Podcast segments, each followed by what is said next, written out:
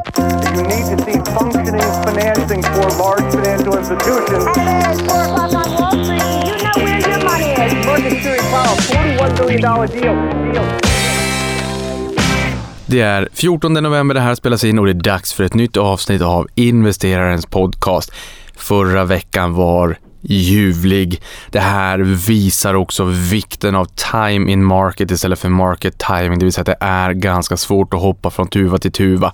Att göra ett klockrent beslut kring när du ska sälja, undvika nedgången och sen när du ska köpa tillbaka igen. Det är två väldigt tuffa, svåra beslut. Det är mycket psykologi som omgärdar. Det är ganska lätt att först tycka att det är väldigt skönt att slippa exponeras för nedgången när man ser det fortsätta falla. Och sen när det vänder, frågan är inte om det vänder utan när det vänder och det kanske redan har vänt. Det här tvistar ju, det lärde om. Naturligtvis om det här är ett björnmarknadsrally eller inte.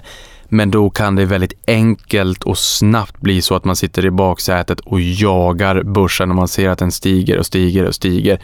Vilket innebär att man tappar avkastning och kommer senare in för varje dag som börsen fortsätter att stiga. Och det här, vissa lyckas väldigt bra med det här men, men jag tror att de flesta tycker nog att det är ganska tufft. Det gäller väl att ha med sig det. Förra veckan steg OMXS30 5,48 procent och breda börsen OMXSGI steg 7,67 procent. Rejäla uppgångar med andra ord. Det var också sjunde veckan i rad för OMXS30 och här ska vi komma ihåg att det har ju varit blodrött hela året. I fjol var det ju gröna siffror i princip varje månad, eller varje månad var det faktiskt. Även om börsen vände ner i augusti så vart det fortfarande en positiv månad och sen så fick vi ju en nedgång i september, fortsatt nedgång i, i oktober fram till mitten på oktober någonting och sen så återhämtade det sig.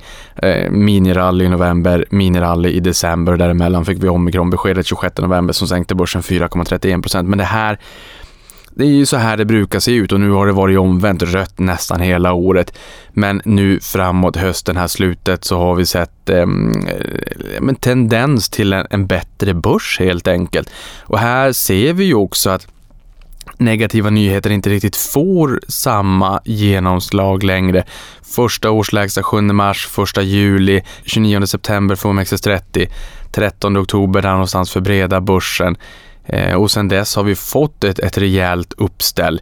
Eh, OMXS30 är upp 17,67, nästan 18 procent från årslägsta och breda börsen har stigit 20 procent. Så det är ändå ganska hyggliga uppgångar eh, som vi har sett sedan den finansiella Marianergraven i år. Och någonting annat som jag tycker att man inte pratar särdeles mycket om, även om jag har försökt plantera den här idén bland journalister som hör av sig, och vill prata om någonting annat som också är relevant. Men då har jag ändå försökt plantera och säga att vet ni vad? Vi ser en ganska rejäl uppgång för väldigt många aktier, men det är det tystaste börsrallyt någonsin. Okej, okay, nu överdriver jag säkert lite grann. Ehm, men men det, vi tenderar ju att, att, köpa efter uppgång och sälja efter nedgång. Och vi tenderar också att behöva vänta ganska länge med att bekräfta att det är en ny uppgång vi ser. Och det här är en jättesvår fråga. Som jag sa nyss, det här tvistar verkligen det lärdom. Vi vet inte, men det är mycket ändå som faktiskt har ljusnat. Vi ser att bolagen kommer in med rapporter som har varit bättre än förväntat. Vi ser också att de har navigerat den här terrängen bättre än förväntat. Sen kan man ju säga att i, verkstaden där har, har ju den svaga kronan gynnat dem i stor utsträckning. Men ändå orderingången, orderböckerna fylldes på fint. Bank gynnas av, av fortsatt stigande räntor. Och sen har vi ju försörjningskedjor och flaskhalsproblematik, halvledare där det har börjat ljusna. Mm, priser på väldigt mycket har sjunkit tillbaka. Nu såg vi ju också här att Kina eh, förkortar karantänperioden för internationella resenärer med två dagar. Det här tolkade marknaden som en pivot. Här har vi sett ett rally vid ett flertal dagar i Hongkong och man har också sett att eh, Xi Jinping då som har samtalat med Olaf Scholz i Tyskland Kort därefter fick vi besked om att man skulle godkänna Pfizer-Biontechs covid-vaccin till tyska expats. Och det här har ju varit helt otänkbart för att då inte tappa ansiktet tidigare. Nu ser vi ju att de kan eh, backa här och säga att det är okej. Okay. Och dessutom har Xi Jinping och eh, Biden i USA samtalats också och träffats första gången då sen Biden blev president. Det är väl i och för sig någonting som har påverkats på grund av pandemin då de hade säkert träffats eh, tidigare om det inte hade varit för det. Men till saken hör att man har träffats och man vill förstärka relationen mellan länderna. Kan det här också vara någonting som påverkar kriget i Ukraina? Där också Ukraina, vad det verkar av det man läser och den informationen som man möts av, så verkar det ju vara fördel Ukraina, så förhoppningsvis så eh, peppar peppar så kanske vi kan komma till ett slut där också. Det hade ju varit fantastiskt av väldigt många skäl såklart. Någonting annat som jag tror också påverkar det är ju att det är väldigt många som är underviktade i börsen. Vi kan inte komma ifrån detta faktum. Bofas alltså Bank of America gör ju en enkät löpande där man ställer ett antal frågor till globala förvaltare och där såg vi att de var och är underviktade eh, globala aktier i väldigt hög utsträckning och det är ju också väldigt många som har varit positionerade för en nedgång. Till slut så kommer vi så pass långt ner att eh, intresset för att positionera sig för ytterligare nedgång avtar. Här finns det ju också index och, och, eh, och titta på det så att säga för att följa det här eh, SKEW-index.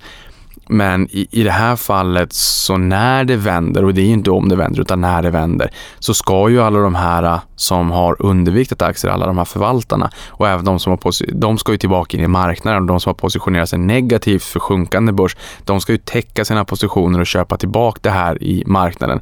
Och sen väldigt många småsparare vi har sett ett eh, väldigt, väldigt deppigt sentiment. Ja, men de ska ju också in i marknaden och jag såg här äh, idag faktiskt när det här spelas in att eh, globala företagsledare är rekorddeppiga och den här nyheten är några dagar gammal.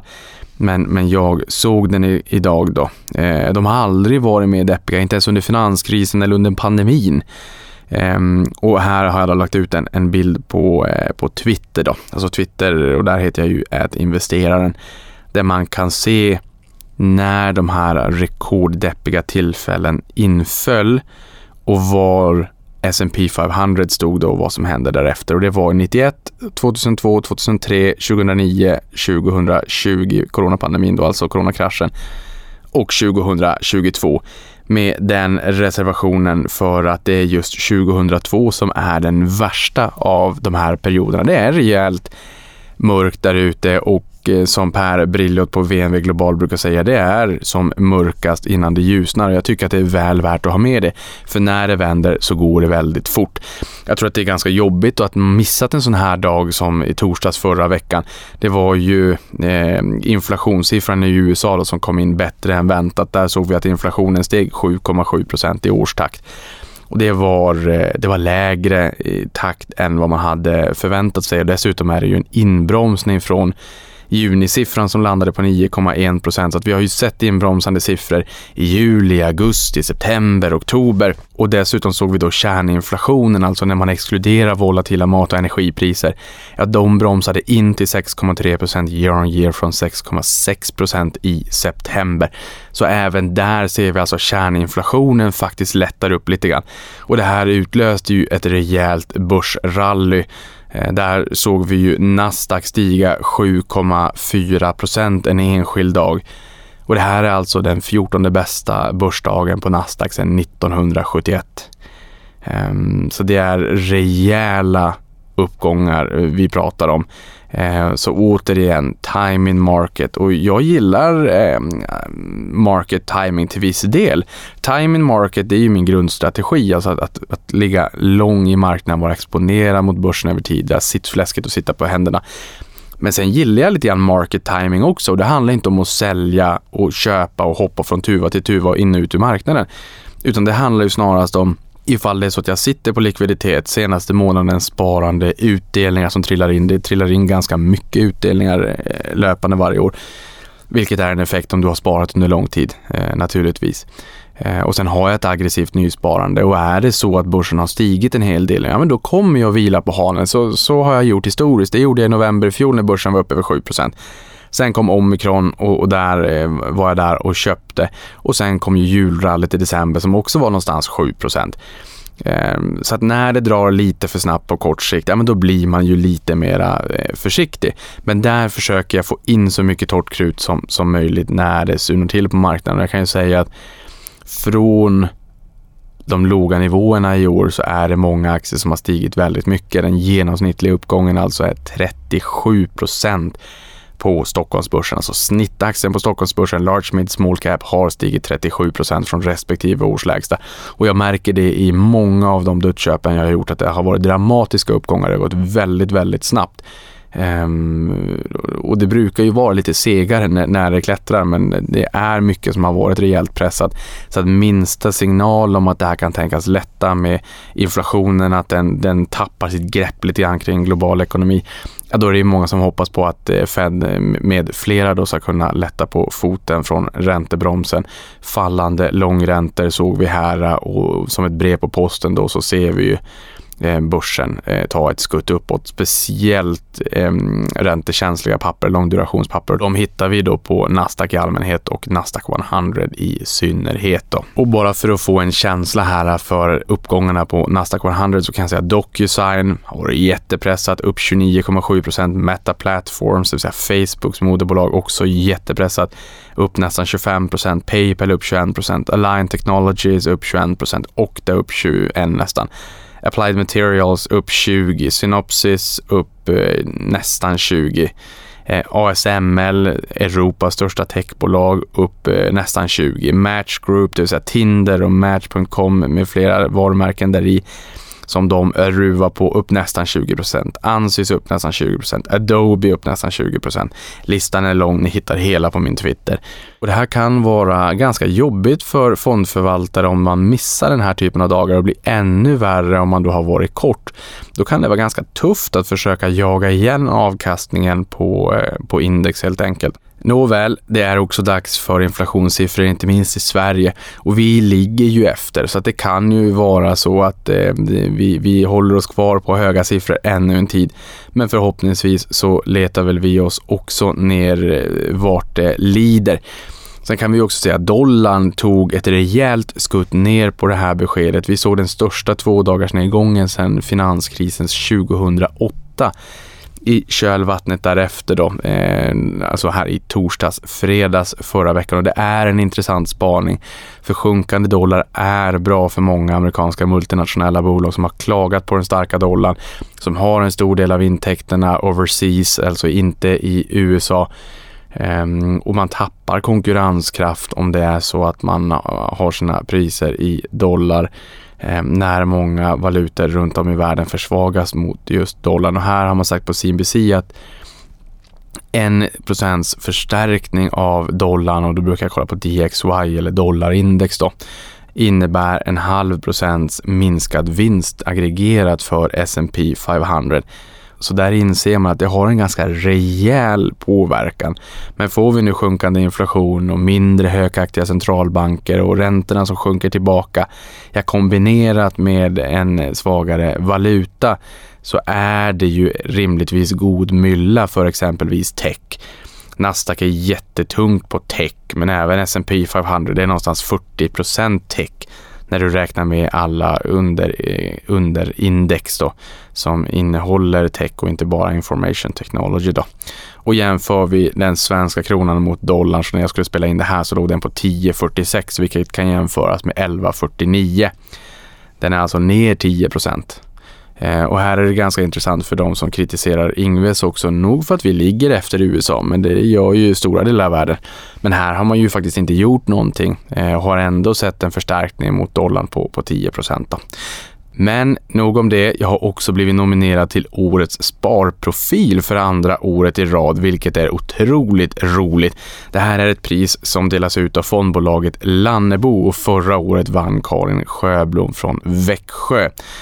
Jag hade förmånen att träffa henne bara för några veckor sedan när jag tillsammans med vår private banking var nere i Växjö och höll eh, dels en lunchdragning eh, på lunchen och sen hade vi lite afternoon tea för aktiespararna och sen hade vi ett privata affärer-event på kvällen så att verkligen, och dessutom uppesittarkväll kvällen innan så det var, eh, det var hektiskt men det var väldigt, väldigt roligt. Och Karin kan man lyssna till när hon gästade Avanza-podden och berättade om hennes 50-åriga resa på börsen. Vill man rösta på mig i årets sparprofil så lägger jag in länken här inunder i poddavsnittet. Eller om man vill rösta på någon av mina duktiga branschkollegor som också har blivit nominerade naturligtvis. Dags för ett nyhetssvep. Och där har vi ju globala shippingindustrin som har en ny huvudverk. De har för många containers nu när efterfrågan sjunker globalt. Och det här trots att vi är inne i det fjärde kvartalet, vilket normalt sett är en mycket hektisk period och det är ju på grund av julhandeln. Det finns ju en anledning till att Black Friday sägs vara starten på den period när handeln vänder årets röda siffror till svarta siffror om man är eh, verksamma inom retail. Och förutom då fallande fraktrater som har mer eller mindre imploderat, alltså kostnaden för att frakta varor i containers på havet från exempelvis Kina till amerikanska västkusten så är många container depots, alltså eh, lageruppställning, förvaring av tomma containers, så de är fulla, många av dem.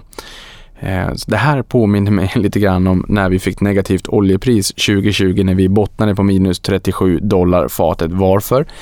Jo, för att i USA har man ehm, fysisk avräkning gentemot Brentoljan eh, eller Nordsjöoljan där man har kontantavräkning. Vilket innebär att sitter du på kontrakt och när det här löper ut, ja då ska då kommer någon och frågar hej, vart ska vi leverera oljan? Och här fick vi lära oss Cushing i USA. Där det är ju då navet eh, där alla de här affärerna görs upp där man liksom hämtar den fysiska oljan och där var ju all förvaring, alla silos, de var ju fulla. Ehm, så det gick ju liksom inte att plocka på sig olja. Jag menar, det förstår man ju att om man hade haft förvaringsmöjligheter då hade man ju plockat på sig all olja som, hade, som var gratis. Suttit på det där och väntade och sålt den när priset då eh, blev positivt. Vilket det blev då när man rullade över till den nya terminen då, Contango. Ehm, men det fanns ju ingen förvaringsmöjlighet så det här var ju ett ganska mm, unikt läge. Jag tror aldrig någonsin vi har sett negativt oljepris.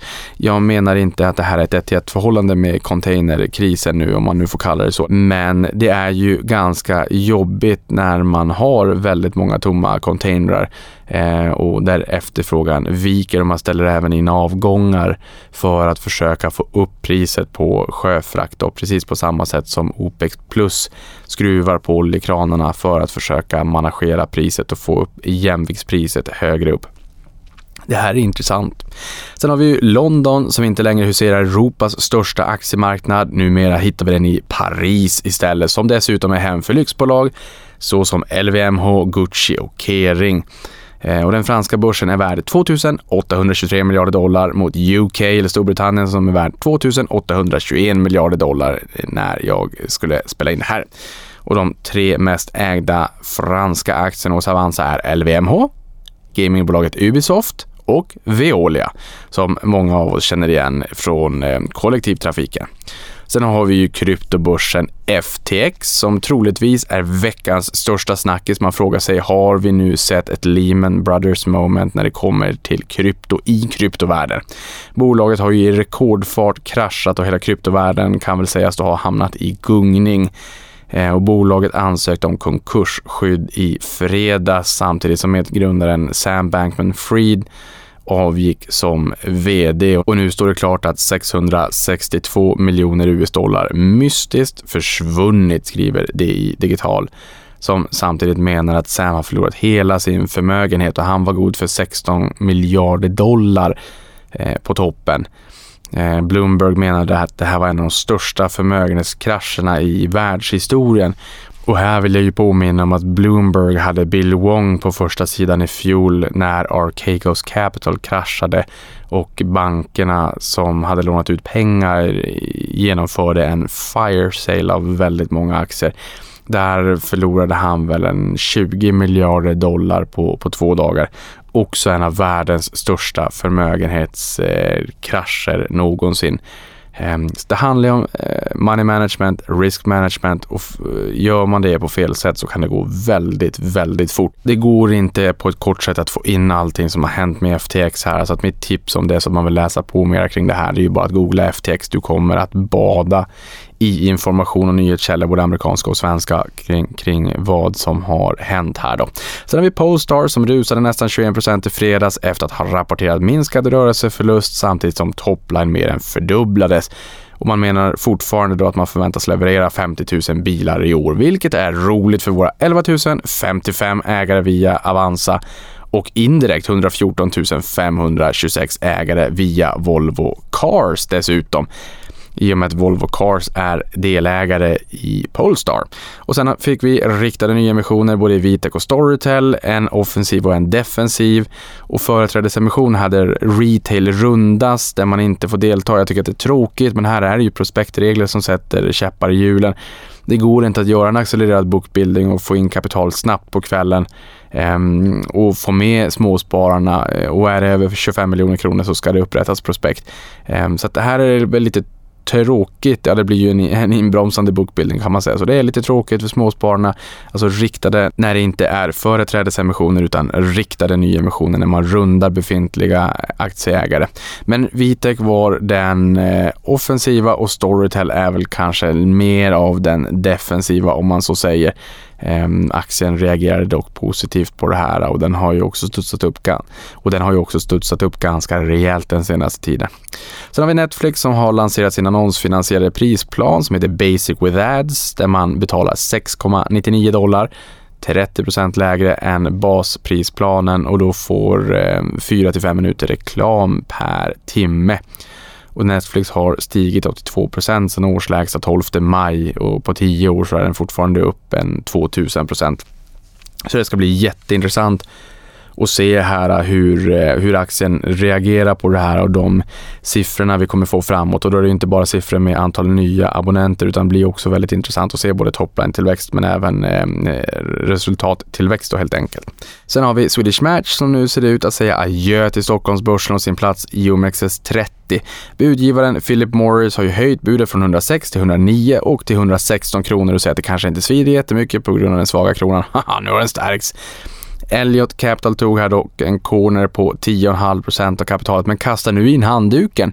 Eh, och här eh, såg jag en siffra på att de har tjänat 150 miljoner dollar ändå så det är ju inte direkt synd om dem. Och nu är ju dessutom budet ovillkorat så att det krävs inte längre 90% så de lär ju få igenom det här budet. Har du inte tackat ja ännu så får man överväga att göra det. Kommer de över 90% kan de påkalla tvångsinlösen och i värsta fall så kan man sitta med aktierna i flera år innan man får ut pengarna tack vare det här tvångsinlösenförfarandet.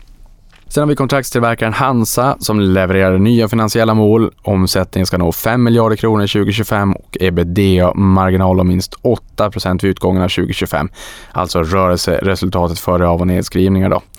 Och i Q3 var nettoomsättningen 838 miljoner mot 597 i fjol och rörelseresultatet 50,2 miljoner jämfört med 37,5 i fjol. Varför har jag med den här nyheten? Jo, för att de gästar podden senare under veckan. Det är ju ett år sedan de var med sist och jag har ju haft en del sådana avsnitt nu här. Äh, I förra veckan var det ju Scandic Hotels som bjöd på det bästa kvartalet någonsin. De var ju med nu här eh, ett år efter att de var med första gången.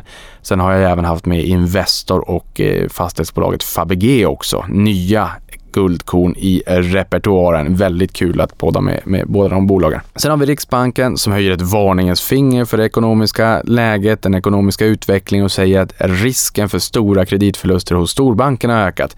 Och mot bakgrund av det här anser man att de bör vara återhållsamma med stora utdelningar och aktieåterköp.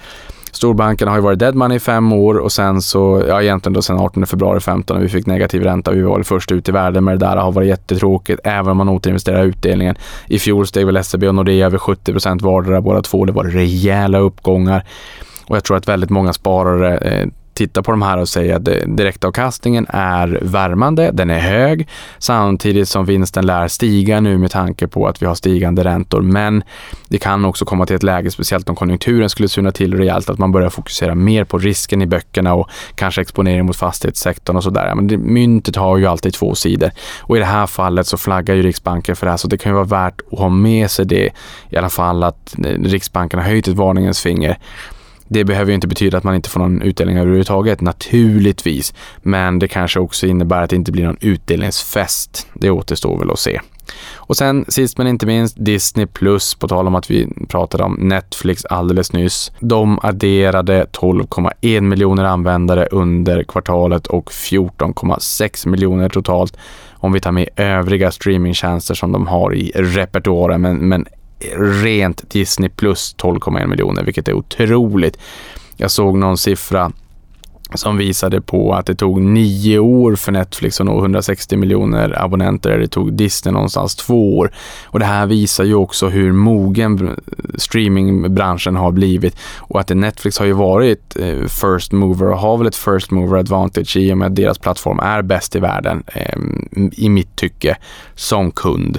Eh, det finns ingen som ens är i närheten av deras plattform. Ehm, eh, faktiskt inte Disney heller, ehm, även om Disney i sin tur har en IP-portfölj som är ohotad så kort och gott. Och här är ju min fasta övertygelse att vi fortsatt äter radhusbiff och ärtsoppa innan vi överger våra kära streamingtjänster. De vi använder. Det är klart att man kommer att kapa om man har för många tjänster och inte hinner med Eh, jag tecknade någon tjänst här nyligen som det var en massa reklam på. Man fick betala 34,50 livet ut om man nu bara tecknar. Jag har aldrig använt tjänsten. Eh, så det är klart att det finns den typen också. Eh, och här snart så borde ju hushållen ha känt the pinch av stigande inflation, kapat de tjänsterna man inte behöver. Och här ser vi ju att det är väldigt många tjänster som faktiskt nu tar in många kunder. Det är Disney, det är Netflix, det är Storytel, det är Spotify med flera. Ehm, så att vi kanske drog på lite för stora växlar helt enkelt. Eller så är det så att alla inte riktigt har känt the pinch of inflation än att det kanske kommer. Ehm, vi får se. Osvuret är bäst, men jag tror någonstans att det ska mycket till innan man säger upp sina, eh, sina eh, älskade streamingtjänster för att alternativkostnaden är väldigt hög. Disney kommer med en annonsfinansierad prisplan den 8 december.